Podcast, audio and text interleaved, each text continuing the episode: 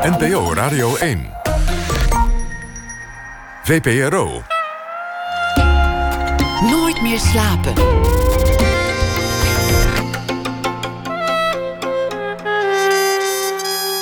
Met Esther Naomi Perquin. Goedenacht en welkom bij Nooit meer slapen. Verkiezingscampagnes lijken tegenwoordig stranger than fiction. Over de politieke werkelijkheid en hoe die zich verhoudt tot series als House of Cards praten we na ene met twee academische binge-watchers. En Jasmina Abu Taleb komt langs. Haar columns in het parool zijn samengebracht in de bundel Dit maak je nooit meer mee.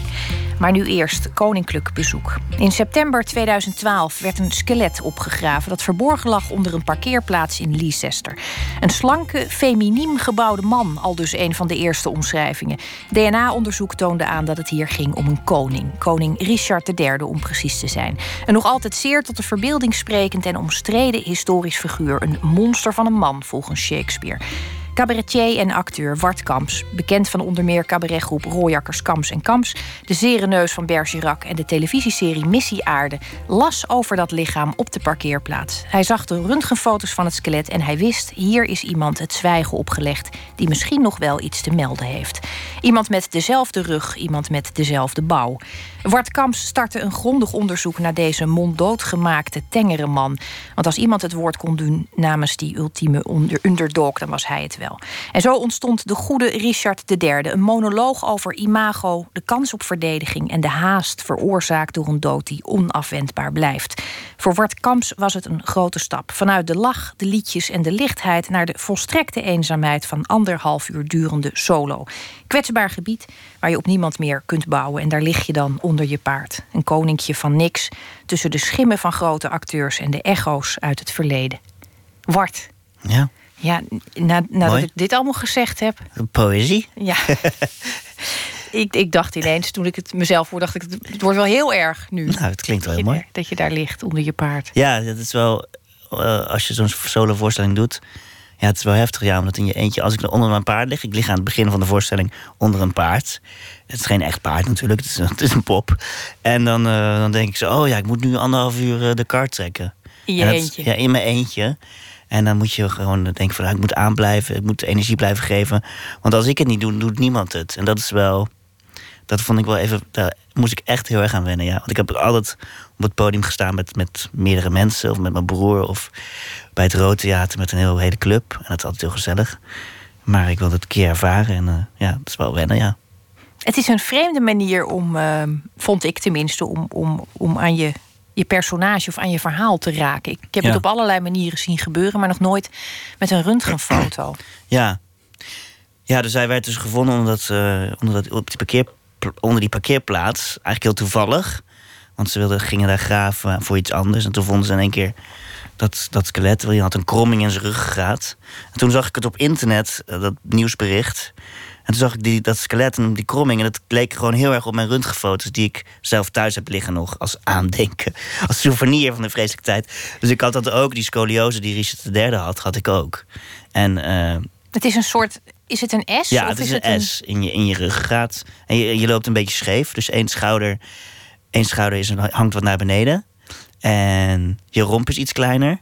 Omdat er zit een S in. En dus je armen lijken wat langer. Het ziet er een beetje zullig uit. en uh, uh, je, je, je rug of je, je schouderblad steekt een beetje uit. En mensen kunnen dat verwarren met een bochel. En uh, vroeger werd ik wel eens uitgescholden van... Hey, je hebt een bochel, maar dat is gewoon je rug of je, je schouderblad. En Shakespeare heeft er dus bij, bij Richard III ook een bochel van gemaakt. De zak. De zak, ja. Dus dat herkende ik heel erg, want ik ben er ook mee gepest. Maar dan bij Richard III is het zo erg doorgevoerd... dat het nu al, al 530 jaar een toneelstuk van wordt opgevoerd... met daarin hij met een bochel en lelijk en verschrikkelijk... en ook nog een slecht karakter. Dus uh, dat, dat was mijn missie om dat, om dat recht te gaan zetten natuurlijk. Wat voor man, uh, dat is namelijk wel handig om dat, om dat een beetje helder te krijgen. Wat voor man was Richard III? Want hij was ontzettend jong, ergens tussen de 20 en de 30 toen hij stierf, volgens mij. Ja, hij was 32 toen hij stierf. En hij is twee jaar koning geweest. En ja, het was een beetje een zielige man. Dus uh, toen hij koning werd, dat was omdat zijn broer doodging. Uh, en de, de kinderen van zijn broer, dat waren bastaarden. Dus die mochten niet regeren. Dus moest hij. En eh, zijn vrouw ging dood. Zijn zoontje ging dood. Zijn andere broer ging ook dood. Iedereen ging dood. En dan was hij als koning als enige over. Toen werd hij aangevallen vanuit Frankrijk uh, door, de, door de volgende koning, zeg maar. En uh, toen is hij vermoord op het slagveld. Dus het is een, een enorm zielig verhaal. En het grappige is dat Shakespeare daar iets ontzettend slechts van heeft gemaakt. Namelijk een, een, een tiran, een psychopaat die iedereen uitmoordt om koning te worden. Maar dat is helemaal niet gebeurd. Die mensen zijn gewoon uh, ja, dus door ziektes of door elkaar uit te moorden. Hij heeft er niet zoveel mee te maken. En dat kun je allemaal met bewijs weerleggen. Uh, maar het is zo grappig dat dat nu zo. Ja, dat dat, dat, dat nu zo bestaat. Dat toneelstuk waar gewoon een leugen wordt verteld. Dat vind ik gewoon fascinerend. En in Engeland heet dat The Great Debate. Dus in Engeland zijn ze al jarenlang aan het, uh, aan het uh, debatteren over... was Richard III nou slecht of was hij nou goed? Dat heet dat The Great Debate. Dus bij ons leeft dat natuurlijk minder... omdat het niet echt onze geschiedenis is. Uh, en daar zijn ze er daar nog steeds niet uit. en, je hebt en dan daar... spelen ze rechtsza een rechtszaak ja, na. Dus je, hebt, ja, je hebt een Ricardian Society... En die, uh, die zijn heel fel over, om, om Richard vrij, vrij te pleiten. Zo, elke, elke acteur die daar met het toneelstuk Richard III in première gaat... die krijgt keurig een briefje van die society van... Vanavond ga je weer in een grote leugen spelen. En we zijn heel boos op jou dat je Richard III zo, zo zwart maakt in het stomme toneelstukje. Veel succes.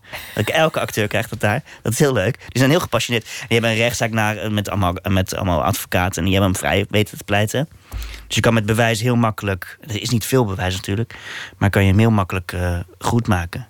En het was ook ja, een beetje een slachtoffer van zijn omstandigheden. Dus hij heeft wel een aantal mensen vermoord. Maar het was meer omdat hij moest reageren. Dus ik denk dat het een vrij verlicht iemand was. Hij heeft de boekdrukkunst bevorderd. Hij heeft uh, wat goede wetten aangezet. Hij was een, een, familieman. En uh, dat verhaal is nog nooit verteld. Het, altijd is dat verhaal verteld van Shakespeare. Van dat, ik weet niet of mensen het toneelstuk thuis kennen, maar het is een, ja, hij is heel slecht en uh, het is een psychopaat. En hij neemt het publiek, zeg maar, hij, neemt, hij zegt tegen het publiek: let op, ik ga iedereen vermoorden en, en daarna word ik koning. Dus, maar in het echt is dat niet zo. En ja, dat wilde ik vertellen. Het is eigenlijk, als je het nu ook weer zo beschrijft, ik ken het stuk van Shakespeare wel van, mm -hmm. van jaren geleden dat ik het geloof ik moest lezen en een keer gezien heb. Um, het is eigenlijk een heel saai karakter. Het is eigenlijk een flat character tot en met. Er gebeurt helemaal niets met die man. Hij is door Nee. en door slecht de hele Ja. tijd. Het is ook Ja. een beetje saai eigenlijk. Ja, Shakespeare schreef het meer als een soort eh, studie naar hoe macht eh, eh, kan corromperen, hoe slecht de macht kan zijn. En eh, het leuke aan, het, aan de rol is, ik denk ook dat acteurs dat leuk vinden aan die rol, is omdat het, is een soort acteur. Dus het neemt zijn publiek zo. eh, eh, hij heeft een dialoog met het publiek van. eh, en hij, doet heel charmant tegen iedereen, terwijl hij eigenlijk heel slecht is. Dus je kan daar heel veel in kwijt als acteur. Daarom is die rol heel leuk om te spelen, denk ik.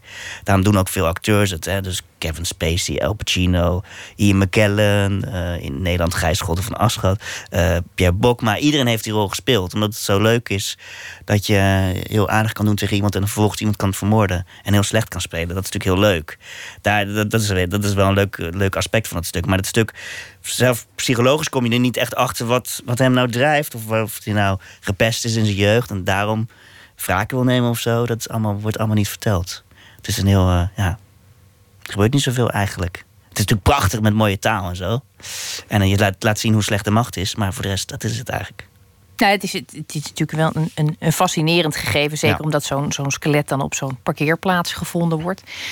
Ehm, maar daarnaast moet je, denk ik, toch ook meer voelen voor een personage waar je vervolgens solo mee aan de slag gaat. Ja. Er moet een, een andere vorm zijn van, van, van sympathie of herkenning. Nou ja, je, je noemde dat net al even, dat, die uitvergroting van dat schouderblad wat ineens een bochel wordt. Wa- Was dat, was dat bij jou echt dat ze dat zagen? Want dat kan toch nooit zo ver hebben, denk ik ineens, in een gymles of zo kan je dat toch nooit... Het, het zijn toch geen centimeters wat dat uitsteekt? Ja, dat, dat zie je Of wel. maken Dat- ze dat ervan? Nee, bij mij zag je het vroeger meer, maar ik ben aangeopereerd. Dus het is iets rechter gezet, dus nu zie je het niet meer zo. En, eh, maar dat zie je wel, dat houden ze dan in de gaten. Als je, dat zien ze eigenlijk al als je baby bent. Dan zien ze al dat er iets mis is. Eh, en dus bij Richard de derde, die had daar waarschijnlijk nog meer last van dan ik. Omdat je, als je daar niks aan doet, zeg maar qua operatie... dan groei je eigenlijk steeds krommer de rest van je leven. Dus Regis de had er waarschijnlijk wel last van, zeg maar. Die groeide eigenlijk steeds krommer. Maar ik denk niet dat je het heel erg had gezien bij hem. Je, had het- je ziet wel sommige schilderijen, dan zie je dat zijn schouder een beetje naar beneden is gezakt. Maar het, is niet, eh, het, het let je niet in eh, je dagelijkse bezigheden, zeg maar. Had je verder wel een hele leuke schooltijd? Of was het bij die gymlessen nog niet? Eh, ik was altijd een beetje verlegen, een beetje stil, stillig jongetje. Dus ik weet het niet. Nee, niet echt. Ik had niet echt leuk. Ik was altijd. Ik zat altijd in de pauze, in de pauze op het toilet te wachten tot de pauze voor- voorbij was. Heel zielig. Om, om menselijk contact te vermijden, Ja. zoveel mogelijk. Ja, ik was altijd heel verlegen vroeger. Nu is dat wel wat minder hoor. Dus eh, Nou ja, het, het, het, is, het, het is een intrigerende keuze, vind ik, van een verlegen jongetje dat het liefst de pauzes op het toilet doorbrengt om dan autodidact op een podium te klimmen. ja. Ja, dat is wel gek. Dat vraag me soms ook wel eens af hoe dat dan gekomen is. Maar zit er dan toch in of zo. Maar dat is ook wel. Ik heb nooit. eh, ik heb, het is ook omdat ik een beetje in ben gerold hoor. Toen ik, toen ik twintig was of zo, toen eh, vroeg mijn broer of ik eh, cabaret wilde gaan maken.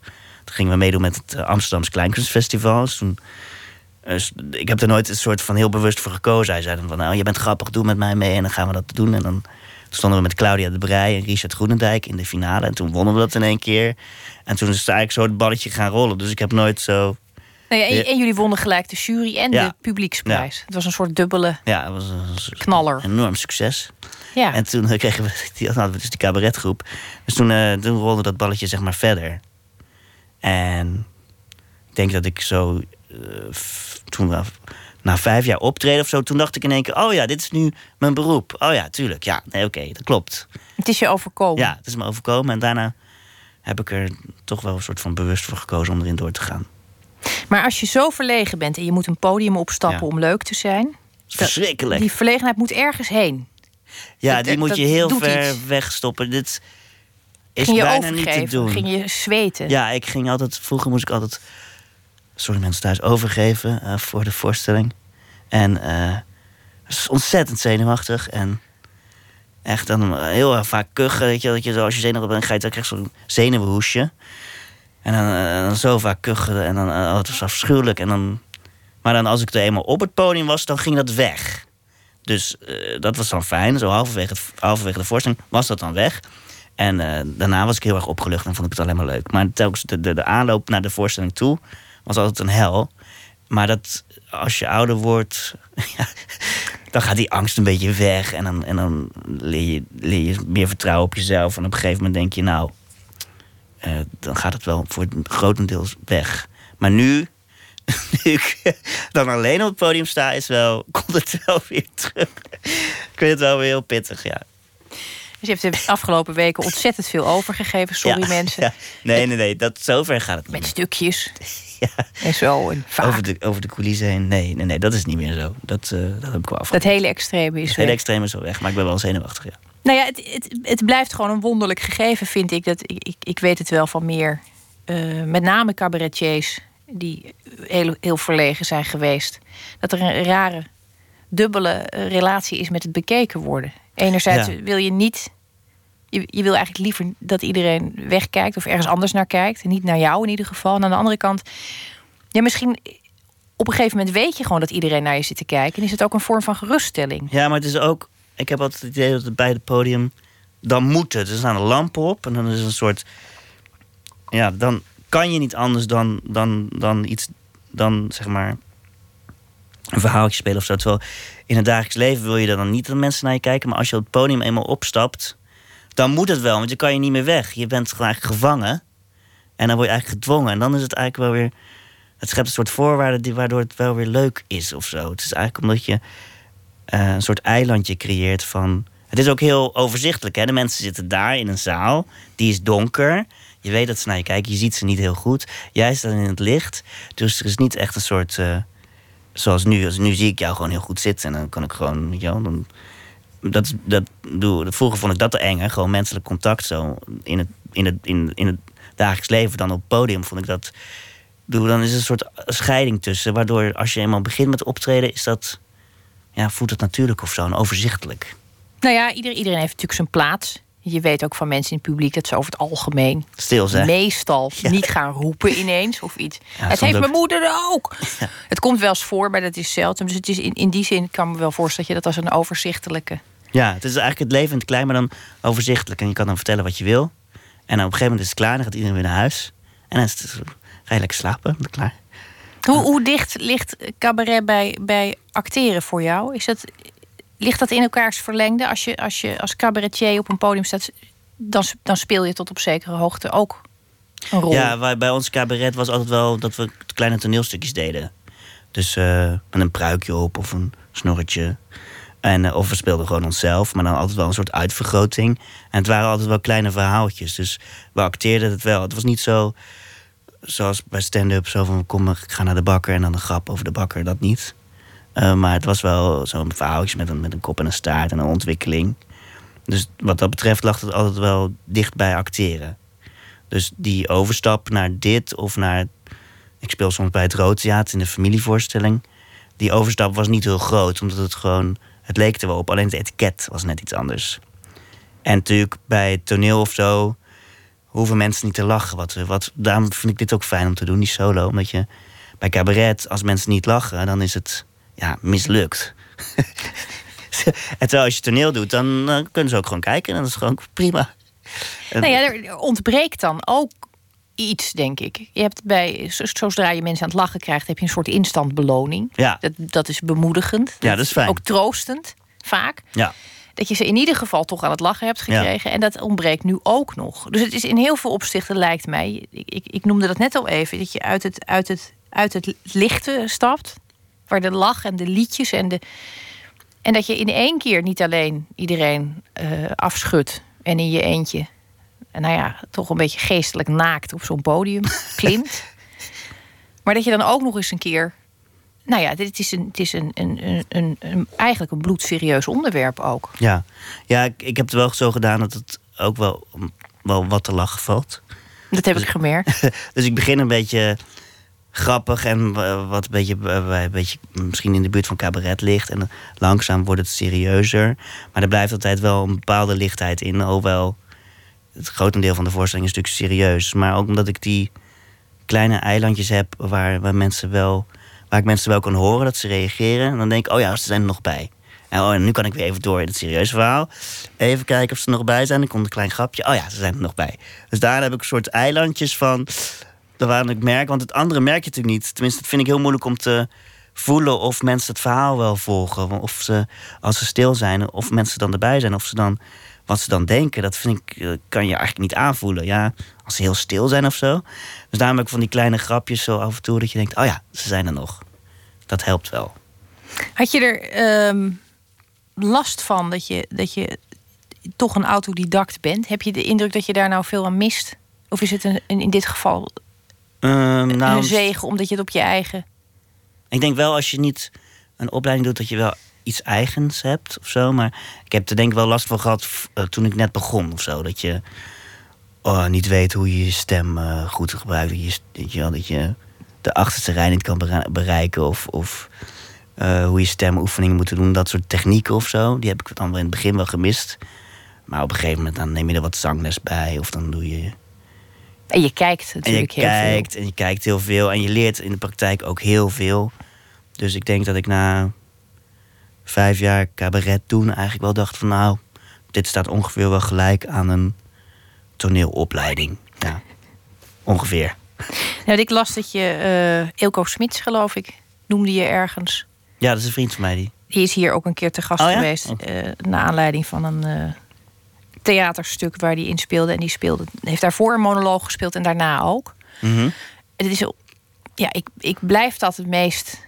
eh, intiemer wordt het eigenlijk niet. Nee, Je hebt dat ook gezien eh, bij hem. ja. Dur- durf je dan na dan nog? Want je ziet ook wat er op het spel staat. En dan moet je nog beginnen zelf. Nou had je Richard al op het oog misschien. Nou, ik hoorde wel van hem van dat het natuurlijk ook, ook zwaar is en zo in je eentje en ook eng, maar ook wel dat het. eh, ik zag wel hem dat het hem ook wel heel veel voldoening gaf en dat wow, dat heb ik toch maar gedaan. Dus eh, en ik ken natuurlijk wel meer mensen die solo iets hebben gedaan dat je dat je wel zo, het is wel een prestatie of zo, dat je denkt van nou, dat heb ik toch maar helemaal in mijn eentje.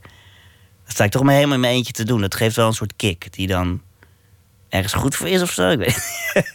maar dat is dan, dus daar heb ik me dan maar aan vastgeklampt dat dat, eh, dat, dat leuk is om, om een keer mee te maken. Ik weet niet of ik het hierna nog, Nog een keer durf. ga doen. Nee, of ik het nog durf. Maar ik vind het toch leuker, denk ik, met een eh, club mensen. Dat je, want dan kan je ook als bijvoorbeeld de voorzang niet lekker loopt of. eh, er zit iemand op de eerste rij eh, te heel hard te hoesten. Dan kun je na afloop zeggen: eh, zo, ja, hoorde je die man die eh, zat zo hard te hoesten, wat irritant. Ja, eh, dan kan je. Maar nu ben ik zo na afloop, kom ik dan alleen de kleedkamer in. En dan kan ik het er met niemand over hebben. Super zielig. Nou ja, dus dat.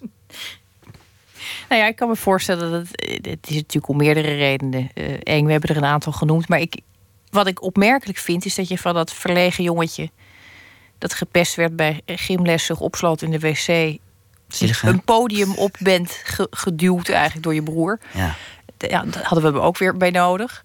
Mhm. En dan vervolgens nu dit soort eh, stappen zelf in, inbouwt. Ja. Het is toch alsof je van jezelf iets wil, niet wil accepteren. Niet wil accepteren dat je eigenlijk misschien liever in de coulissen was gebleven. Dat je jezelf. Nou ja, Ja, je, je bent je eigen wortel, zeg maar, die het ja, ik paard probeer voert. mezelf toch dan te blijven uitdagen of zo. Om, om toch eh, buiten je comfortzone. Want ik bedoel, het liefst lag ik gewoon thuis in bed. Ook nu, nee hoor, grapje. Ik bedoel, dat, dat, het liefst wil ik gewoon lekker thuis zijn en eh, een beetje koken. En eh, dat, dat dat het dan is. Eh, maar toch blijf je jezelf zo van uitdagen of, of enge dingen doen. En ik denk dat dat wel fijn is. Gewoon dat, dan, daar groei je weer door en dan kan je toch ik bedoel, dat, dat maakt het thuiskomen ook fijn. En ik, ja, dat heb ik toch maar gedaan. Wat goed van mezelf. En eh, mensen vonden het leuk. En ik heb mensen een fijne avond bezorgd. En dat heb ik eh, helemaal zelf gedaan. En dat geeft toch een soort genoegdoening. En, en je groeit weer door of zo. Is Ja. dat iets wat je, wat je van huis uit hebt meegekregen? Dat, Ehm, nee, ik weet niet. Ehm, nou, we werden wel altijd, ik werd wel altijd gestimuleerd of zo om, om nieuwe dingen uit te proberen. Ik heb echt op duizend verschillende muziekinstrumenten eh, proberen te spelen. En op toneelclubjes. En, eh, maar ik wilde het eigenlijk nooit. Maar dan zei mijn moeder, hup, je moet, nu, eh, nu moet je buiten spelen. Gaan we naar buiten. mijn moeder zei altijd: als je er eenmaal bent, vind je het hartstikke leuk. Ja, maar dat was dan niet zo. Zei ze, gaan we naar buiten spelen. En dan zat ik op de stoep een uur te wachten tot ik weer naar binnen mocht. Dat is heel zielig. En eh, dan moest ik weer naar op. eh, zei ze, nou gaan we, je moet een muziekinstrument doen. Kies maar. En dan koos ik dwarsfluit. En dat vond ik helemaal niet leuk, maar dan had ik dat toch geprobeerd. En daarna mocht ik nog een instrument. Dan heb ik pianoles. En dan. Dus ik werd wel altijd zo van, nu moet je dit doen, nu moet je dit doen. Dus het werd altijd wel een soort van gestimuleerd. En had je toen dan, dat, dat kan me ook herinneren als kind, heb je toch een, je hebt dan niet zo goed een helder beeld van wat je later bent. Maar had je wel het idee wat jou later gelukkig zou maken? Als je van dat gezeur af was. Als je, Ehm, als je uit die wc mocht. Nou, ik vond het wel altijd heel leuk om eh, voor te lezen en, en eh, poppenkast te spelen en zo. Dus ik, had, ik heb het nooit echt zo bewust gerealiseerd dat je daar je beroep van kon maken, maar dat zat er wel altijd in. Dat ik zat met poppetjes te spelen en eh, toneelstukjes te doen voor mijn moeder met mijn broer. Dus dat soort dingen, dat, dat is wel. Als ik er zo op terugkijk, denk ik, oh ja, dat was altijd wel wat, wat het zou moeten zijn. Maar toen, nee, had ik niet echt een, een concreet besef over de toekomst. Eigenlijk niks. Nee. En ben, en ben je eigenlijk gelukkig? Nee, ja, ja ik ben wel gelukkig hoor. Hoezo? Nee, ik ben wel. eh, het gaat- het gaat nu wel, eh, wel redelijk goed. Nou, ik vraag het me ineens af, omdat ik denk, het is eigenlijk heel raar dat je het altijd hebt over, heb je dat van huis uit meegekregen en wat wilde je? Maar dat je nooit vraagt of het gelukt is nu al. Niet dat je al klaar bent met leven. maar het is toch prettig om dat even vast, Ja, ja. vast te kunnen stellen. ja. Is je broer al komen kijken? Mijn broer is eh, geweest een week geleden. En eh, die vond het wel mooi.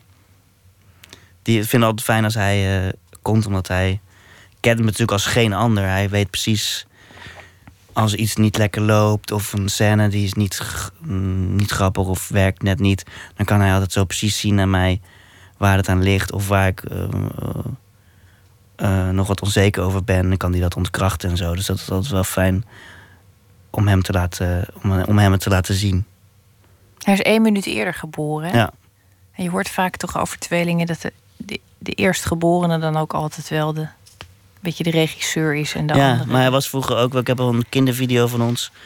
Dan sta ik op een stoepje en dan... eh, dan reik ik zo naar zijn handje en dan moet hij me van het stoepje af, afhelpen. Dus hij was altijd degene die heel erg voor me zorgde en me overal mee naartoe nam en onder zijn hoede nam. En, eh, en nu is het natuurlijk omgedraaid.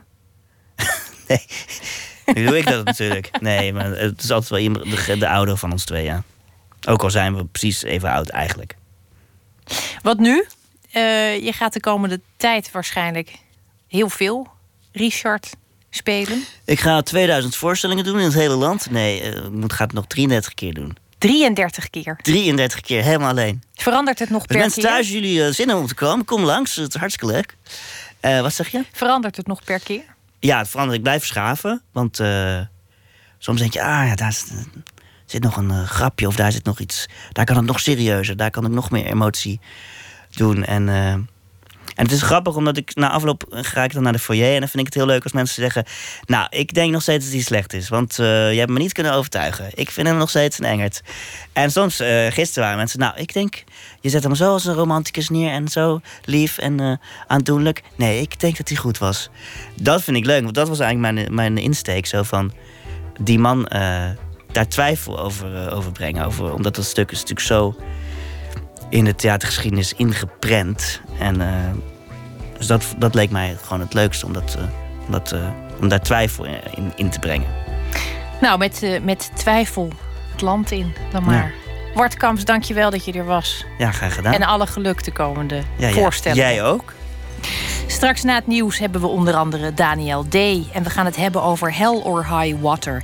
Dat en meer na het nieuws van 1 uur. Op Radio 1. Het nieuws van alle kanten. 1 uur, Mark Hokker met het NOS-journaal.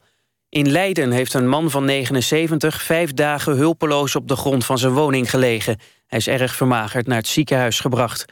Een buurtbewoner waarschuwde de politie omdat al dagenlang de tv en lampen in het huis aanstonden, terwijl de bewoner nergens te zien was. Agenten vonden de man op de grond in zijn slaapkamer. Hij was nog aanspreekbaar.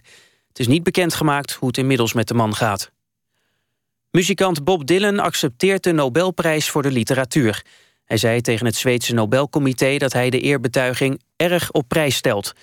De muzikant kreeg ruim twee, twee weken geleden de prijs toegekend, maar reageerde niet. Hij had wel even een melding erover op zijn website staan, maar een dag later was die weer weggehaald. Dylan zegt nu dat hij lange tijd sprakeloos was. Hij heeft nog niet besloten of hij 10 december in Stockholm aanwezig is... om de Nobelprijs voor de literatuur in ontvangst te nemen.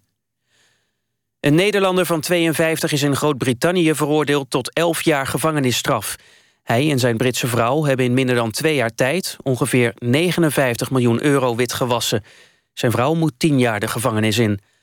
Het stel hield volgens het Britse Openbaar Ministerie... een dagboek bij van hun criminele activiteiten... tussen januari 2013 en november 2014. Een diamanthandel in Londen fungeerde als dekmantel voor het witwassen. In de eredivisie heeft FC Twente thuis gelijk gespeeld tegen Rode JC. Het bleef afgelopen avond 0-0. Door die uitslag blijft Twente vijfde. Rode JC staat nu zeventiende met een punt meer dan Willem II... dat nog een wedstrijd te goed heeft. Het weer steeds meer opklaringen, waardoor vooral in het binnenland vannacht... het kan afkoelen naar een graad of drie. Ook kan er lokaal mist ontstaan. Overdag is het eerst nog grijs. Later breekt op steeds meer plaatsen de zon door. Blijft droog en het wordt zo'n 15 graden. Ook zondag en maandag blijft het zo goed als droog. Er is dan wel meer bewolking. Tot zover het NOS-journaal. Eén melding van de ANWB rijdt u op de A73 Maasbracht richting Nijmegen. Dan komt u tussen Grubbevorst en knooppunt Saarderheiken een spookrijder tegemoet. Haal niet in, blijf rechts rijden en probeer de spookrijder met lichtsignalen te waarschuwen. Ik herhaal op de A73 Maasbracht richting Nijmegen. Komt u tussen Grubbevorst en knooppunt Saarderheiken een spookrijder tegemoet. NPO Radio 1. VPRO. Nooit meer slapen.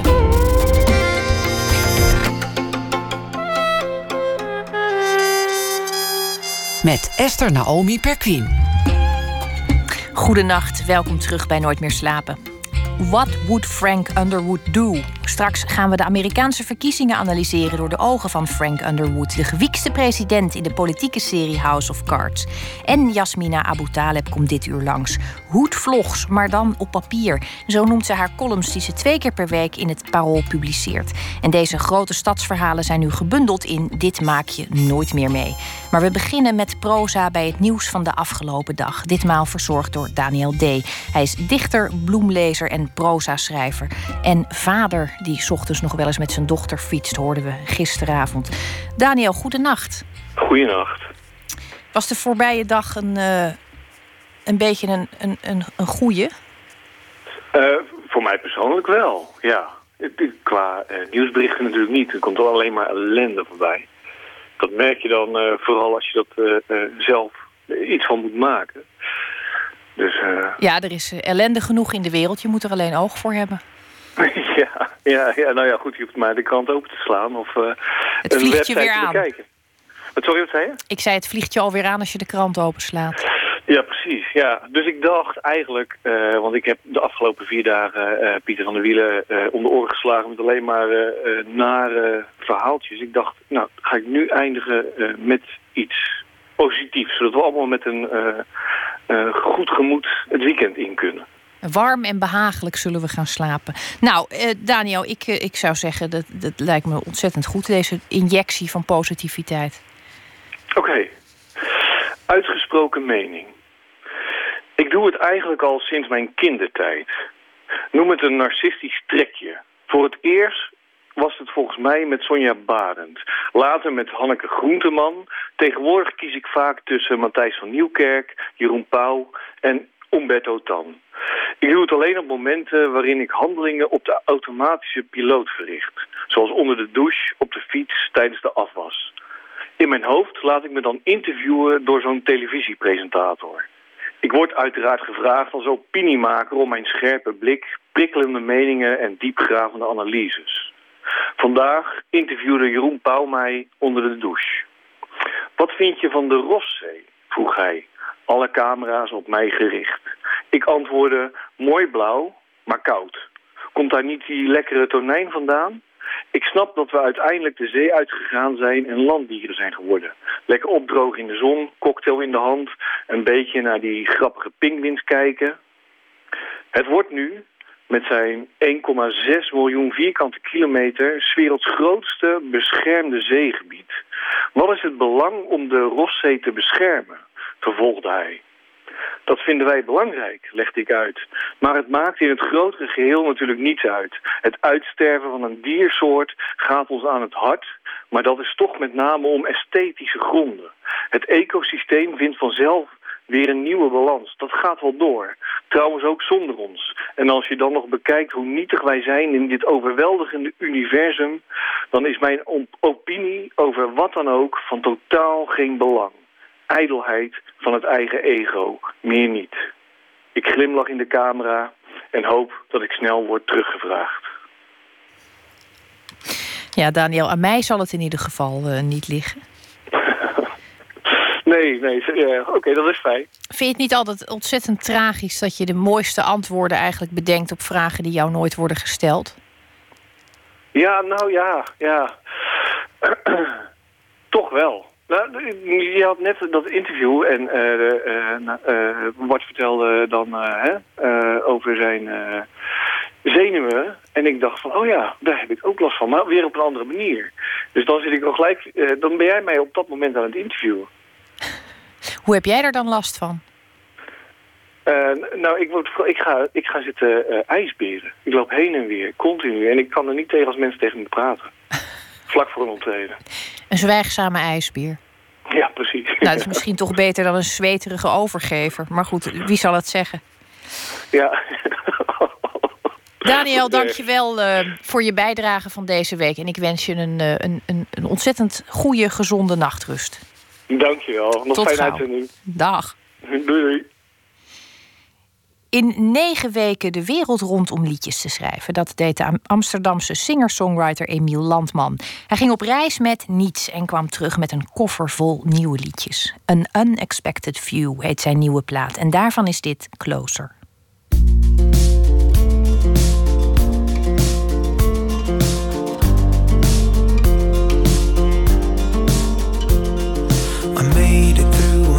the day I feel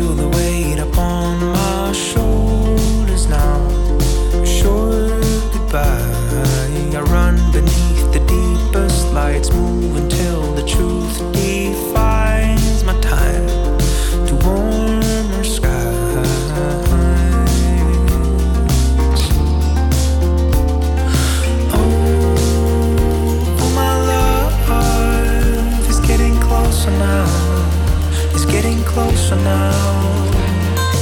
Oh, oh my love is getting deeper now. It's getting deeper now.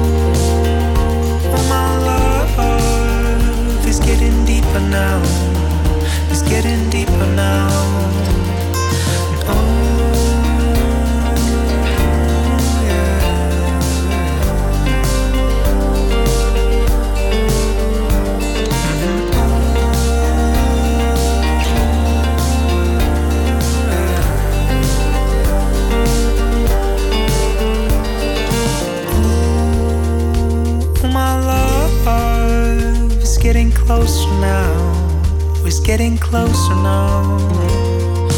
Oh, oh my love, it's getting deeper now. It's getting deeper now.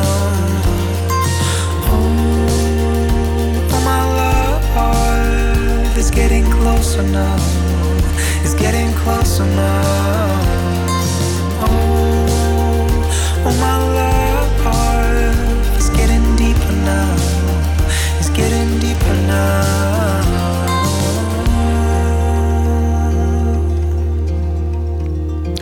Closer was dat van Emiel Landman. En de komende tijd is hij volop aan het toeren. Op 30 oktober speelt hij bijvoorbeeld in de Etalage in Lelystad. En op 5 november in Paradiso in Amsterdam. Nooit meer slapen. House of Cards, Vape Designated Survivor en The West Wing. Allemaal dramaseries over de Amerikaanse politiek, waar massaal naar wordt gekeken en wereldwijd. Maar geven ze ons echt inzicht in de politiek? Of is die politieke realiteit zelf inmiddels stranger than fiction? In debatcentrum De Bali in Amsterdam begint maandag een serie lezingen over popculture en politics. Met de twee sprekers van die avond bekijken wij alvast wat fragmenten.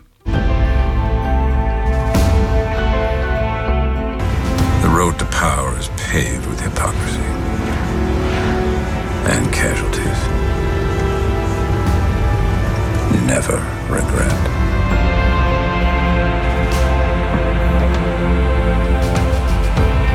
Toevallig berichtte de Volkskrant gisteren over Iran, waar de dramaserie House of Cards sinds een paar weken ook wordt uitgezonden.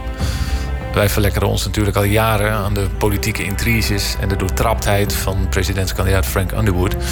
Maar volgens een conservatieve Iraanse nieuwssite is, en ik citeer, het succes van de serie te danken aan het feit dat het geen fictie is.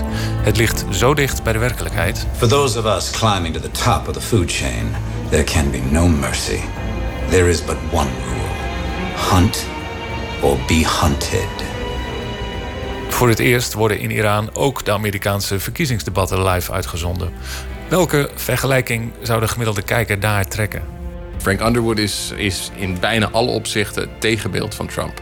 Dit is Dan Hassler, geboren Amerikaan en docent mediastudies aan de Universiteit van Utrecht. Het enige waarin die overeenkomt met Trump is de manier waarop de tv-serie hem als compromisloze achterbakse hufter neer wil zetten. Dat is hoe Trump zichzelf ook neerzet. Hij zegt: Ik ga de boel daar opruimen. En, het, eh, en iedereen weet hoe hij over vrouwen denkt. Iedereen weet wat zijn geschiedenis is. Wat hij zelf ook tegen, ook in interviews heeft gezegd: ik kan nog iemand doodschieten op Fifth Avenue en dan nog verlies ik geen kiezers. The people, my people are so smart. And you know what else? I have the most loyal people. Did you ever see that? Where I could stand in the middle of Fifth Avenue and shoot somebody and I wouldn't lose any voters, okay? It's like incredible. Het is niet Het is niet zo dat mensen op hem stemmen of eh, voor hem kiezen... ondanks het feit dat hij zo'n klootzak is. Ze doen het omdat hij dat is. Dat is juist wat ze aantrekt. En dat is ook wat ons aan Frank Underwood aantrekt. Die oprechtheid die hij in ieder geval in de serie in het geheim naar ons toe uitspreekt. Dat hij zich van zijn ware kant laat zien. Dat is ook het mooie van die, ja, eigenlijk dat doorbreken van die vierde muur. Hè, het idee dat hij eigenlijk ons als kijker erkent. En zoals in een Shakespeare-tragedie, zoals Richard III, eigenlijk direct tegen het publiek praat. One heartbeat away from the presidency, not a single vote cast in my name. Democracy is so overrated. Dat is wat die intimiteit voor ons creëert. In alle andere opzichten is hij inderdaad veel meer een Hillary Clinton dan een Donald Trump. Hij is iemand die het politieke apparaat van binnen en van buiten kent. Raspoliticus. Hij weet alle ins en outs van het systeem precies voor zichzelf te gebruiken. Maar het is daarnaast ook gewoon een, een vergissing om te denken dat House of Cards een soort realistische eh, voorstelling is van het politieke leven. Dat vindt ook Kirsten Verdel. Zij is bestuurskundige en publiciste. Als het om een realistisch inkijkje in Amerikaanse politiek gaat, verwijst zij liever naar The West Wing. Een serie die begon in de jaren 90 over het reilen en zeilen in het Witte Huis. The West Wing liet vooral zien hoe het beleid van ene president Bartlett tot stand kwam in overleg met de uitgebreide staf van het Witte Huis. Explain this to me like I'm a two-year-old and try to do it like you're not. Come on, I'll give you a lolly. Die serie laat heel goed zien hoe het politieke proces in elkaar zit. Hoe grimmig het kan verlopen, hoe lastig het is. Omdat je ook te maken hebt met publieke opinie. Dat het altijd gewoon heel moeilijk is en lastig is en veel schipperen is. En dat uh, problemen niet zomaar opgelost zijn, uh, maar uh, ja, een genuanceerde aanpak behoeven. Ja, je ziet nu natuurlijk in de verkiezingsstrijd, zowel in Nederland als in Amerika, dat er wordt gedaan alsof het allemaal maar alsof er hele makkelijke oplossingen voor problemen zijn. Dus Trump zegt van nou ja, we hebben de last, last van immigranten uit Mexico. We need to build a wall. Ja, zo simpel is het gewoon niet. Dus het is altijd de kunst om, om te laten zien juist hoe ingewikkeld dat proces is. En ik denk dat dat in de West Veel beter gebeurt dan in House of Cards. Maar ook in House of Cards wordt dat uiteindelijk wel redelijk neergezet. Alleen ja, iets, ietsje te. Je hebt zelf uh, deel uitgemaakt van het campagneteam van uh, president Obama in 2008, zijn eerste verkiezing. Wordt er binnen zo'n team Natuurlijk wordt er gekeken naar die series, maar wordt er ook over gesproken? Ja, daar wordt iedereen kijkt daarnaar en iedereen heeft het erover. Uh, en dat geldt voor zowel The West Wing als House of Cards uh, en waarschijnlijk nu in iets mindere mate zoiets als Designated Survivor. Uh, iedereen kijkt dat, iedereen heeft het erover, iedereen probeert ook parallellen te trekken. En nogmaals weer over The West Wing. De, ja, de voormalig speechwriter van Al Gore schreef de speeches eh, van de belangrijkste karakters in The West Wing. voormalig uh, perswoordvoerder. Uh, een van de belangrijkste adviseurs van de serie. Ja, dus, dus iedereen kijkt er gewoon naar van... goh, hebben ze dat gedaan? Doen ze het goed? Uh, speech-fragmenten die je misschien ook een klein beetje ombuigt... en vervolgens zelf gebruikt. dat gebeurt absoluut. We all live lives of imperfection. And yet we cling to this fantasy that there's a perfect life... and that our leaders should embody it. But if we expect our leaders to live on some higher moral plane than the rest of us, well, we're just asking to be deceived. Op een gegeven moment, uh, president uh, Bartlett, uh, die heeft zijn twee termijnen erop zitten. Dus er moet een nieuwe kandidaat komen. En op dat moment zijn de makers van de tv-serie... die zijn gaan kijken van, goh, een nieuwe democratische kandidaat... hoe zou die er nou uit moeten zien? Wat voor type persoon zou dat moeten zijn? En toen werden ze getipt door mensen die in het Witte Huis werkten... van, joh, je moet eens in Chicago gaan kijken. Want er loopt een jonge politicus rond en die is hartstikke interessant. En misschien zou je dat karakter naar die persoon kunnen modelleren. Nou, dat was dus Barack Obama in 2004, ver, ver, ver voordat hij bekend was.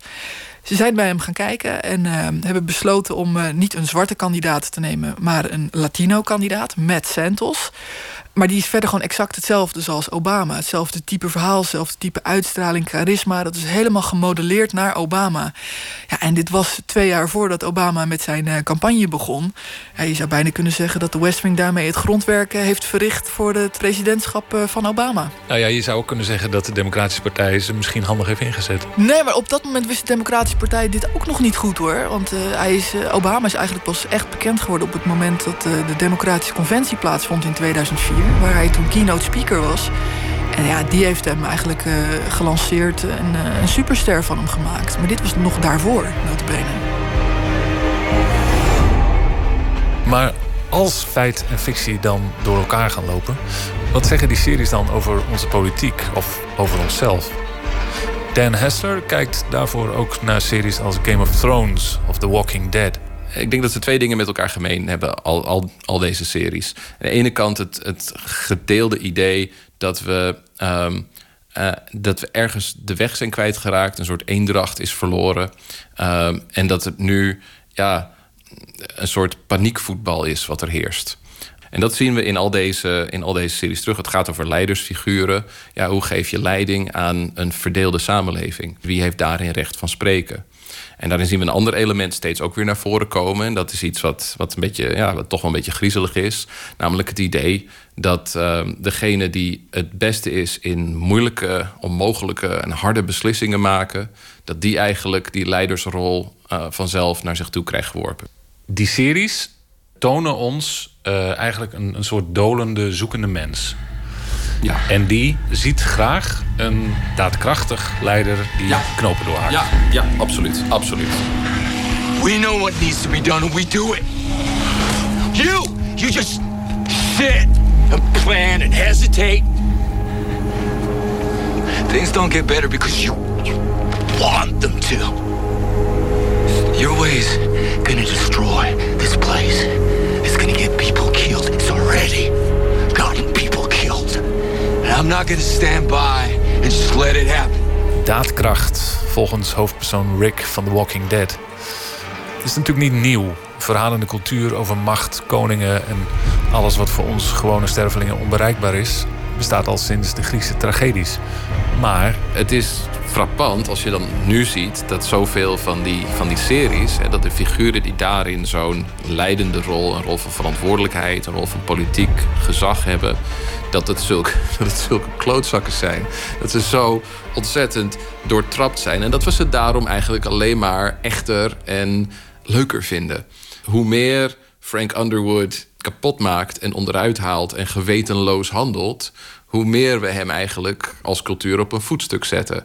Ja, wat doet dat voor mijn ja, geloof in de toekomst of in, ons, ons, uh, in de vorm die onze maatschappij überhaupt heeft? Als je dat geloof niet meer kunt opbrengen. En als, als mensen zoals Donald Trump, die het heeft over rigged elections, of Geert Wilders, die het altijd heeft over het nepkabinet en zo. Als die daarmee voor een hele grote groep mensen het geloof in een, in, in een democratisch uh, uh, systeem aanvallen en ondergraven. En je zet de tv aan en je ziet daarin continu een bevestiging daarvan. Dat alle mensen alleen maar ja, hun eigen hachje willen redden, zichzelf naar de zin willen maken en geen enkel idee hebben of, of, of ideologische basis van waaruit ze handelen. Ja, dan word ik daar wel een beetje, een beetje verdrietig van. Power is a curious thing, my lord. Power resides where men believe it resides. It's a trick, a shadow on the wall. And a very small man can cast a very large shadow. Je kunt bijna niet onderschatten hoe vormend entertainment eigenlijk is voor hoe we uiteindelijk over de wereld nadenken. En dan met name die vormen van entertainment waar je niet, die je niet beleeft als als les of als cultuur. Weet je wel? Een, niet als een arthouse film die een ingewikkeld politiek getint verhaal vertelt. Maar juist die cultuur waar je lekker lang uit mee op de bank gaat zitten. Dat is denk ik waar je het eerste moet gaan kijken als je de interactie tussen politiek en, en populaire cultuur in kaart wilt gaan brengen. Now I have something I can work with. What would Frank Underwood do? Vanuit dat oogpunt worden de Amerikaanse verkiezingen besproken. Aanstaande maandag in de Bali in Amsterdam. En deze reportage was van Jan-Paul de Bond. Na acht jaar zijn de Pretenders terug met een nieuwe plaat, getiteld Alone. Een titel die mogelijk is afgeleid van het nummer dat we nu laten horen: Never Be Together.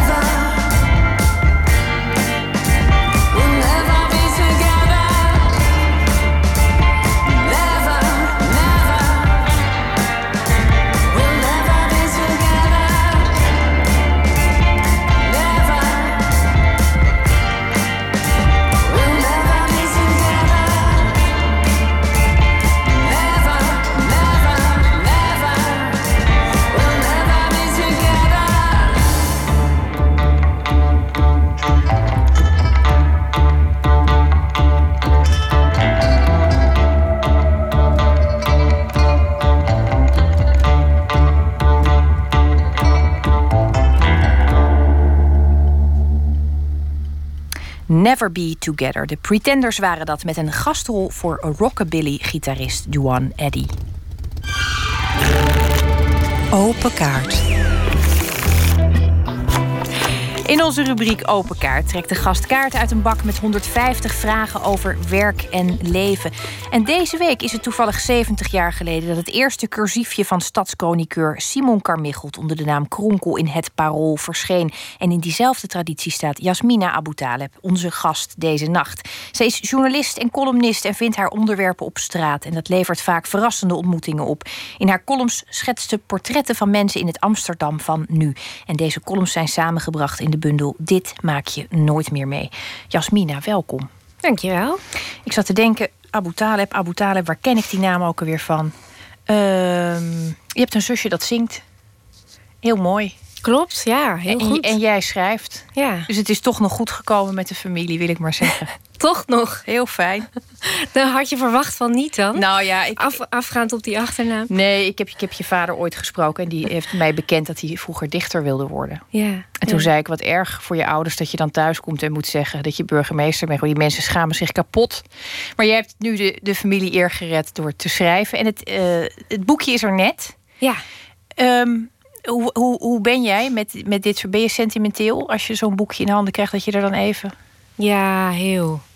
Ja, het was een heel mooi moment. Het was zelfs Eh, De dag dat ik naar de uitgeverij fietste om, om hem voor het eerst te bekijken en vast te houden, eh, had ook nog eens een keer extra lading, omdat ehm, mijn vader net ge-sms'd had. eh, het is vandaag een speciale dag, jongens, want vandaag is precies 40 jaar geleden dat opa naar Nederland kwam. Dus ja, ineens werd ik daar extra emotioneel van. Dat ik dacht, zijn kleinkind heeft gewoon 40 jaar later een boekje helemaal in het Nederlands geschreven. Over Nederland, over, Over Nederland, Nou ja. over Amsterdam. En eh, ja, dat maakte het extra speciaal. Het is al heel gaaf om, om een boekje te mogen hebben die je gewoon in je boekenkast kunt zetten. Maar dat maakte het wel extra speciaal. Ja. Die ontmoetingen, hè, want dat zijn het meestal. Het, het, het is ook heel vaak een, een waarneming. Valt me op, je bent een hele goede kijker. Maar die ontmoetingen vind ik altijd het interessantst. Wanneer weet jij tijdens zo'n ontmoeting eigenlijk... dit wordt, dit wordt er één? Oeh, eh, eigenlijk al vrij snel. En eh, ja, ik, praat natuurlijk ook. Die, ik, ik ben vaak degene die een gesprekje aanknoopt, maar de mensen beginnen ook vaak tegen mij te praten. En eh, ja, je merkt het al heel snel door hoe iemand zich gedraagt en wat hij zegt, of, of, het, of, het, of het interessant is. Maar het is eigenlijk bijna al, altijd al snel interessant. Omdat, eh, nou ja, je kan natuurlijk ook een beetje de juiste vragen stellen. Ehm, eh, en en door, door iemand eh, een beetje te sturen in van wat je eigenlijk zou willen weten. Of dat iemand iets laat vallen waarvan je denkt: hé, hey, wacht eens even, hoe zit dat dan? Dat je daar dan op doorvraagt. Eh, en ik onderwerp mensen absoluut niet aan een kruisverhoor. De meeste mensen voelen zich eigenlijk altijd heel erg op hun gemak en vertellen vanzelf. Ja. En mensen vinden het natuurlijk ook, ook fijn als iemand ze gewoon aankijkt en Ja. luistert. Hoeveel, hoeveel Ja, hoe vaak dat gebeurt dat nou nog? Iedereen zit op zijn telefoon te staren. En hoe vaak heb je nou nog met een vreemde naast je eh, in de rij of wat dan ook nog een, een heel gesprek?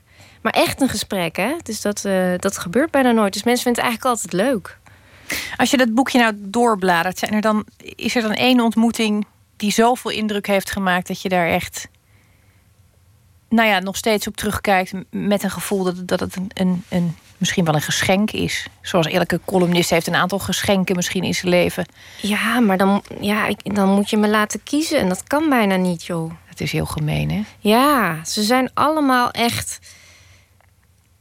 Ja, even waar, veel waard. Het, het zijn zulke. Ik had ze anders ook niet opgeschreven. Als ik ze niet de moeite waard vond, had ik ze ook niet opgeschreven. Ze zijn echt. En ik heb natuurlijk wel stiekem een paar favorieten. Gewoon waar ik dan.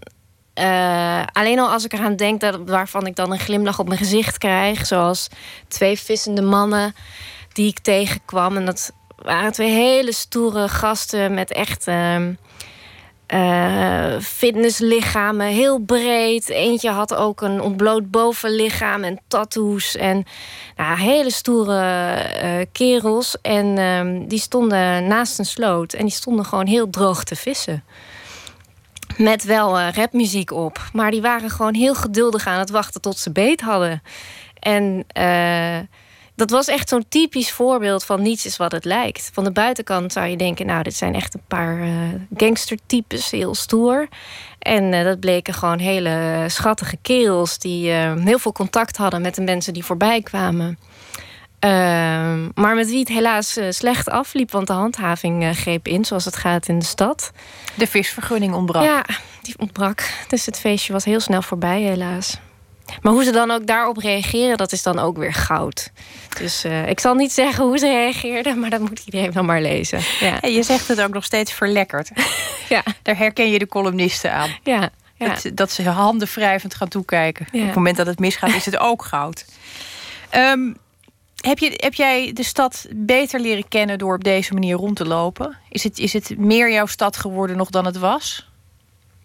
Ja, ik denk het wel. Ik heb echt wel een. een eh, e- echt een eh, intensere band gekregen met de stad. Het klinkt een beetje zweverig. eh, nu ik het zo zo zeg. Maar ik kende Amsterdam al heel goed. Echt op mijn duimpje. Ik, wil, ja, ik denk misschien wel net zo goed als een taxichauffeur. zo goed ken ik Amsterdam, omdat ik Amsterdam-verslaggever was voor NRC. En ik kwam al overal. En ik was heel veel buiten en altijd op zoek naar verhalen. Dus dat, dat was al, lag al heel erg in, in eh, wat ik deed. Ehm, en ik ben, van, ik ben sowieso een nieuwsgierig persoon. Dus ik vind het sowieso altijd leuk om rond te struinen in buurten die ik nog niet zo goed ken. En ehm, wat het verschil is eigenlijk met het werk wat ik nu doe, is dat ik eh, nou ja, mijn tempo verlaag in de stad. En dat ik heel erg inzoom. En dat deed ik hiervoor veel minder. Want ja, je bent toch altijd op weg. Je zit op die fiets, je moet ergens naartoe. Of je hebt een opdracht waar je mee bezig bent, of een afspraak. Of eh, je moet naar je werk of naar de tandarts. En dan krijg je die stad wel mee, maar heel anders als je zonder doel aan het frontfietsen bent of rondlopen bent. Dan zoom je heel erg in op je omgeving. En je ziet die mensen die je voorheen wel zag staan, die zie ik nu veel beter. Omdat ik ook echt met ze praat. En ehm, eh, ja, hele verhalen hoor. En ehm, veel meer, ik ben veel meer bezig met mijn omgeving. Ik kan ook niet meer normaal door de stad fietsen, omdat ik altijd denk. Is dit een column? Als ik iets zie, dan denk ik: hé, hey, wacht even, kan ik hier een stukje van maken? En ik kom ook standaard te laat op al mijn afspraken, omdat ik heel vaak afstap om, te, om, om even te kijken of dit een column waard is. Dat gebeurt heel vaak. Lijkt me een uitermate vergeeflijke vorm van te laat komen. Ja. Als dat het is, dat moet iedereen je toch heel goed kunnen navoelen. Ehm, ik wil je vragen om de, onze befaamde en beruchte kaartenbak in Ja. te duiken. Je mag een greep doen. Ja, het zijn er een hele hoop. Pak er een uit het midden dan maar. Geloof je in goed en kwaad? Ehm, ja, maar ik moet zeggen dat ik toch wel heel erg geneigd ben om het goede altijd te zien in mensen. Dat had ik ook toen ik. eh, ik had voordat ik met mijn columns begon, toen ik deze prachtige job kreeg van het Parool. Om stadschroniqueur te worden. Toen had ik helemaal geen vooropgezet plan. Ik dacht alleen maar, ah, kan ik dit wel? Ehm, en toen ik een tijdje bezig was, toen zei een vriend van mij... eh, wat je, al jouw columns gemeen hebben... is dat je met heel veel mededogen naar je omgeving kijkt. En ik moest daar heel even over nadenken, maar ik denk dat hij gelijk heeft. Ik ben eigenlijk best wel een softie. Of ik kan de grootste eh, criminelen, drugsdealers, eh, wie ik ook spreek, ik raak altijd ontroerd door mensen. En eh, ik denk dat, ik dat, dat je dat ook wel terugleest in mijn columns. Dus ik hou, ik hou graag daaraan vast. Ik weet dat er ook kwaad is, maar ik hou graag daaraan vast. Is dat ook iets waar je, waar je mee bent opgegroeid? Iets wat van huis uit is meegegeven? Was dat in het gezin, je, je, je, je vader en moeder, zijn dat ook mensen die dat bewust hebben aangemoedigd? Ehm, Want je kunt ook, als je een, zeker als je een, een mooie dochter op de wereld hebt gezet, kun je ook als ouders natuurlijk denken: God, we moeten wel even leren dat er een heleboel engerts, griezels, Ja. rondlopen. Ja, nou, ik heb zeker wel mijn portie bezorgdheid eh, gehad van mijn ouders eh, en de bescherming. Eh, maar ik denk dat ze van, ja, dat ik allebei de kanten, dat ze me dat allebei heel erg mee hebben gegeven. Dat eh, ze me altijd heel erg meegeven dat het belangrijk is om je belangeloos in te zetten voor anderen. En ehm, maar ook altijd laten zien hoe anderen dat deden. Dus als je dat ziet, dan denk je: wauw, wat zijn er een hoop goede mensen op de wereld. Maar eh, zoals het gaat met, met ouders en zeker met dochters, ja, je krijgt een standaard verhaal. Dus ik vertrouw jou wel, maar niet alle andere mensen buiten. dus eh, eh, nee, ik denk dat het redelijk in balans was. Ja. Ja. Laten we hopen dat het goede nog even behouden blijft. In jouw blik in ieder geval. Ja. En in de mensheid in het algemeen zou ook wel eens prettig zijn. Neem nog een kaart, alsjeblieft. Welke beslissing zou je het liefst terugdraaien?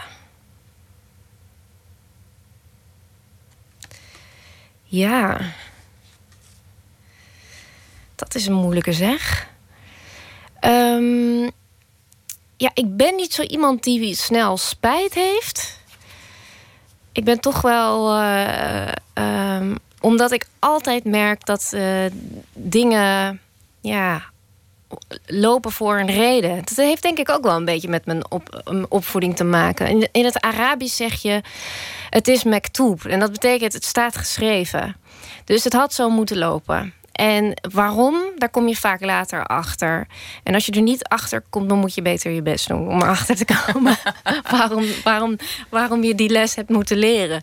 Dus, ehm, en dat is eigenlijk een hele fijne eh, levenshouding, merk ik. Omdat, ja, terugkijken de hele tijd en, en, en, en, en maar de haren uit je kop trekken over dat het niet goed is gegaan, heeft niet zoveel zin. Je kunt beter denken, eh, wat kan ik er dan nu mee verder?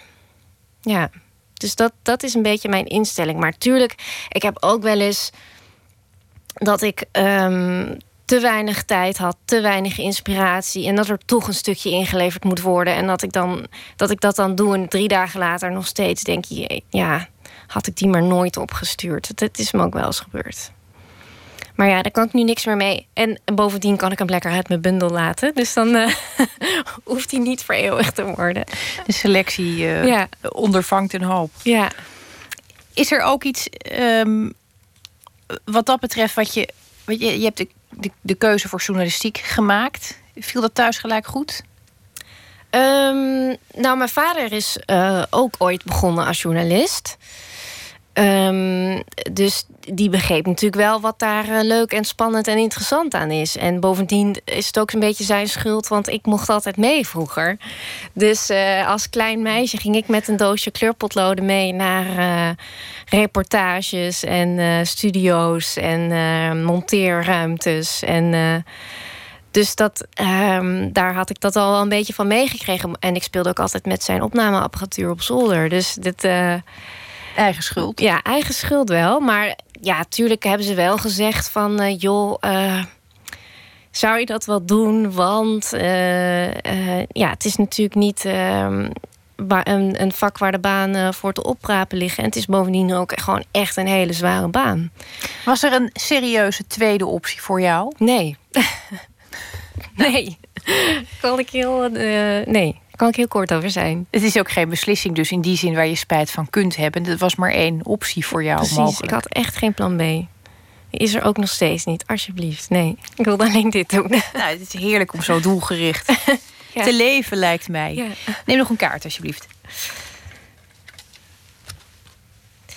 Wie of wat is de liefde van je leven? Ja, de journalistiek natuurlijk. Dat is heel makkelijk. Ja. Je hebt toch ook wel een huisdier of een... Nee, ik heb geen huisdier, want ik ben allergisch voor huisdieren. Voor alles. Eh, maar ik schrijf wel over huisdieren. Ook al, maar juist omdat ik er allergisch voor ben. Wat zou, je, wat zou je gewild hebben? Ik ben ook allergisch voor alles, dus ik mag alleen een schildpad of een Oh, goudvis. zielig voor ons, hè? Heel zielig. Ja. Ik heb echt ook Had jij een kat of een hond gewild? Of een cavia? Een kat. Een kat. Jij? Ja, ik vind altijd dat katten te veel op mezelf lijken. Oh ja? Ik ben namelijk tamelijk Oh. eigen gereid en ik luister eh, niet, niet. Ik ben niet iemand die graag bevelen opvolgt. Dus ik, ik, ik ga beter met honden dan met katten. Oké. Ja. In het algemeen. Nou ja, wat ik leuk vind aan katten. Nou ja, precies de eigenschappen die jij noemt. Ehm, en dat is. Ze hebben gewoon veel personality. Ja, dat vind ik gewoon tof.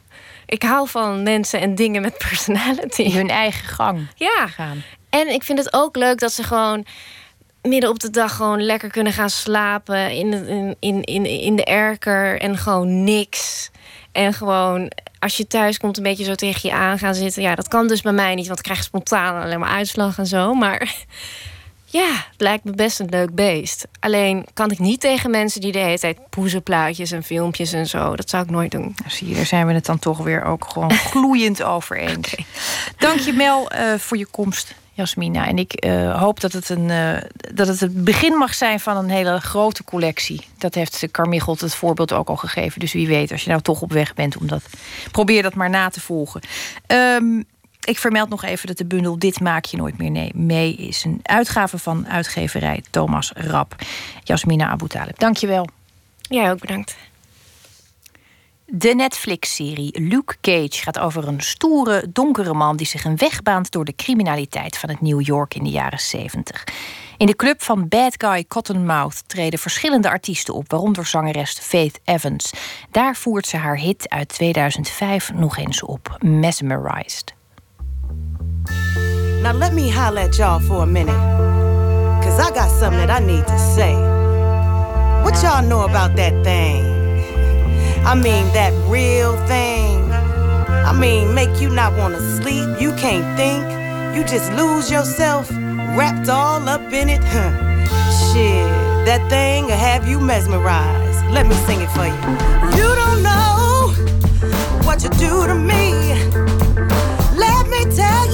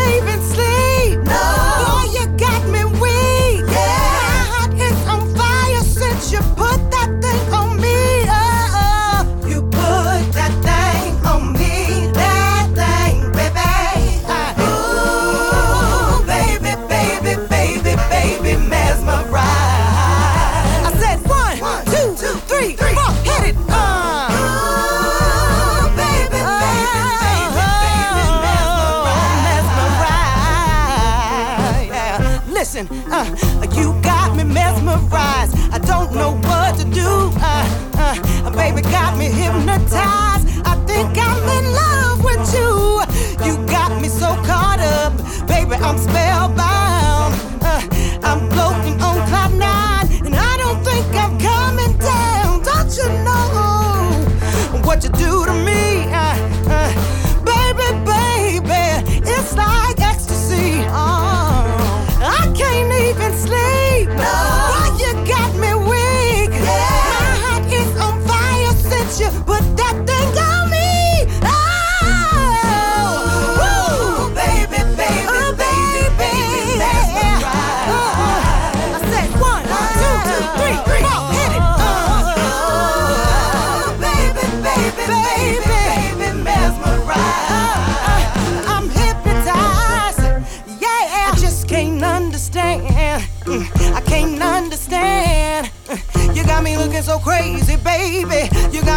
so crazy uh-huh. right now. Make me wanna clap my hands. Make me wanna stomp my feet. Make me feel real, real good. Real good.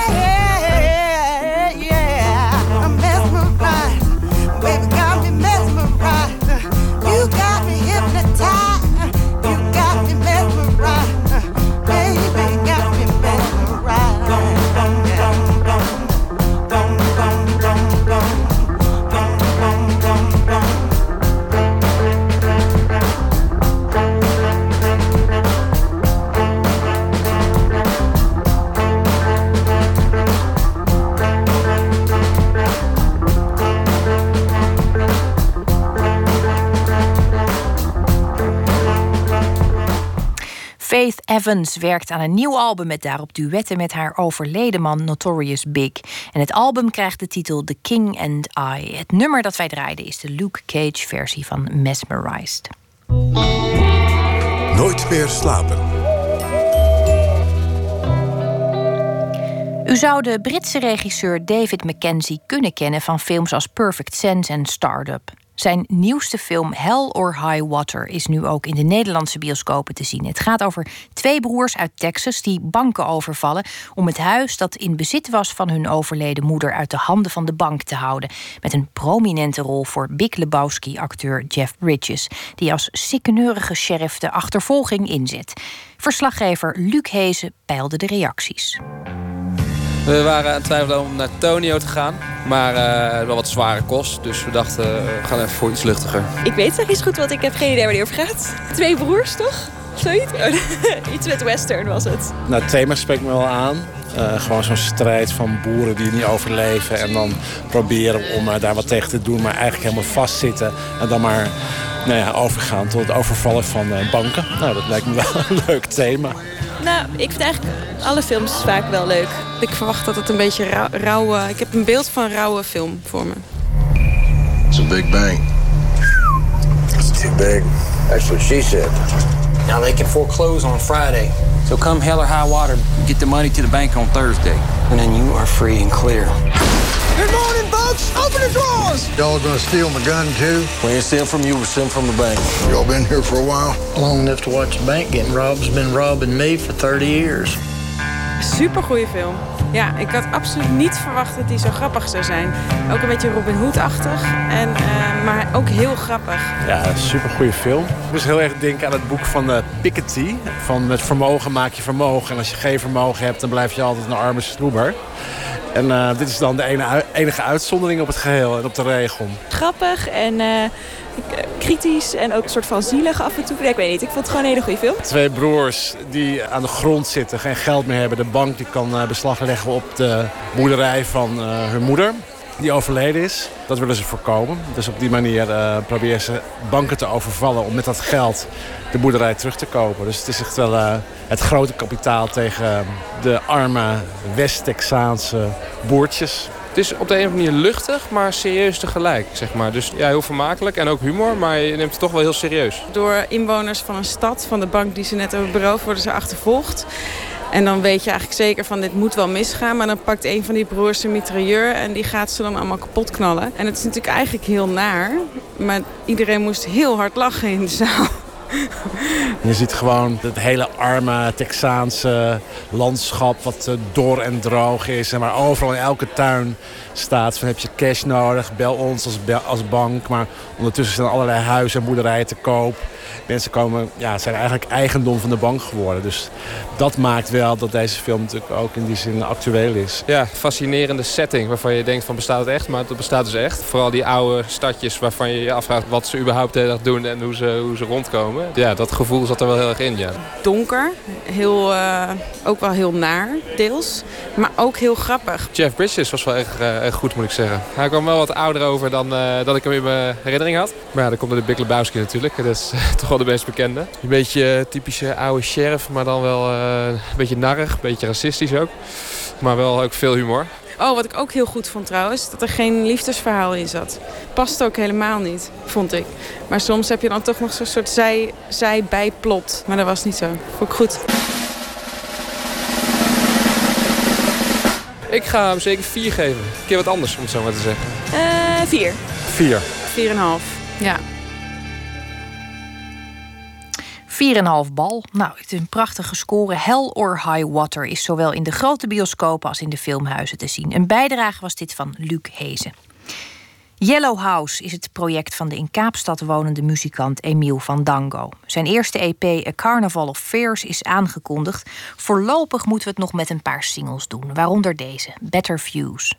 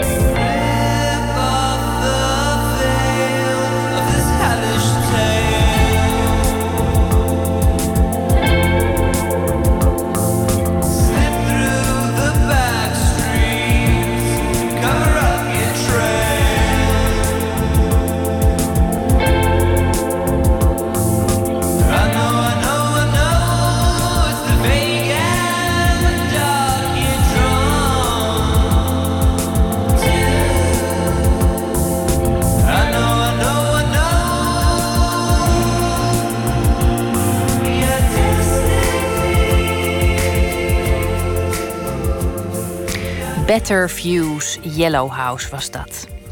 En we sluiten af met poëzie van dichter en schrijver Erik-Jan Harmens. Vijf gedichten selecteren, dat vroegen we hem. Vier heeft hij er deze week al voorgelezen en toegelicht. En het laatste gedicht heeft als titel Folder Inbox has no new messages.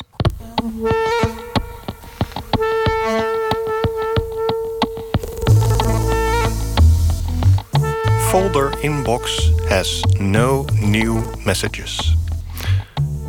We liepen door de stad en ik hield je vast met mijn arm strak om je nek, zodat een ieder zei: die twee hebben wat. Ik staarde in het gapend gat van een lege, froten ijskast. Ik had geen mooie broek aan, maar het gaf niet, zei je, en veegde mijn as als een wesp van je vest. Maar dat was voor de duvel en de kwak. We rijden nu over een onverhard stuk weg. Kun je dit nog lezen? Mijn vingers in je gleuf geven af op de, ik denk, bizonleren achterbank. Of is het sky? Of lig ik nu niet in een taxi? Slaan we nu niet rechtsaf? Is het geld dat hij opeist de ritprijs? Jij met je mond en memmen schenk niet meer bij. Dit gedicht is een gedicht uit uh, In Menigte, mijn debuutbundel. Ik hou ontzettend van de titel van dit gedicht. Folder Inbox has no new messages. Omdat dat wat mij betreft de moderne definitie is van eenzaamheid. Als je je mailprogramma opent en er staat inbox 0... dan heb je best wel een beetje een probleem. Um, er zit ook een dichtregel in die ik zo mooi vind... omdat die zo normaal is. Dat is namelijk... Ik had geen mooie broek aan, maar het gaf niet, zei je. Dat vind ik een geweldige zin die eigenlijk in alle cursussen creatief schrijven onmiddellijk met een rode pen wordt doorgehaald, maar daarom juist zo krachtig kan zijn, omdat het uh, uh, zo non-poëtisch is. Het is. Het is totale non-poëzie en daarmee uh, is het geslaagd. Dit is een gedicht dat ik ook heel vaak voorlas tijdens poetry slams. Dat zijn voordrachten poëzie voorlezen, of wedstrijden poëzie voorlezen, waar ik veel aan heb meegedaan in een uh, ver, ver verleden. En um, tenslotte zit er het woord memmen in. Jij met je mond en memmen.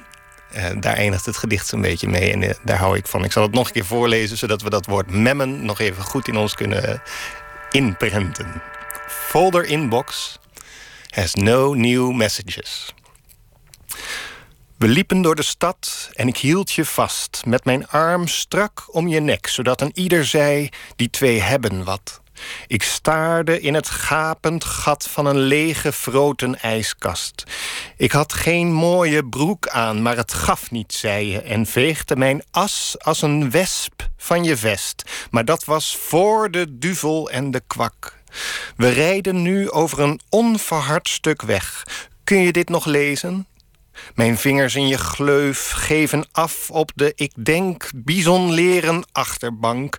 Of is het sky? Of lig ik nu niet in een taxi? Slaan we nu niet rechtsaf? Is het geld dat hij opeist de ritprijs?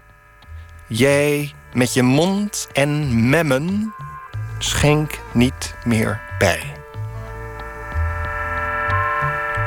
Folder inbox has no new messages. Het was dichter Erik Jan Harmens die dat schreef, hier voordroeg en kort toelichtte. Ik vertel nog iets over maandag. Dan komt Katinka Simonsen langs, beter bekend als Tinkerbell. Ze is kunstenaar en schrijver, provoceert, maar krijgt het wel voor elkaar om mensen anders naar de wereld te gaan kijken. We gaan het maandag onder meer hebben over haar nieuwe boek. Waarschuwing, de schrijver van dit boek is kunstenaar. En Pieter van der Wielen zal zich daarop storten. Dat dus onder meer maandag. Straks de collega's van Woord met Jeroen van Kam. En ik wens u voor nu vanuit het ons omringende duister een hele mooie nacht.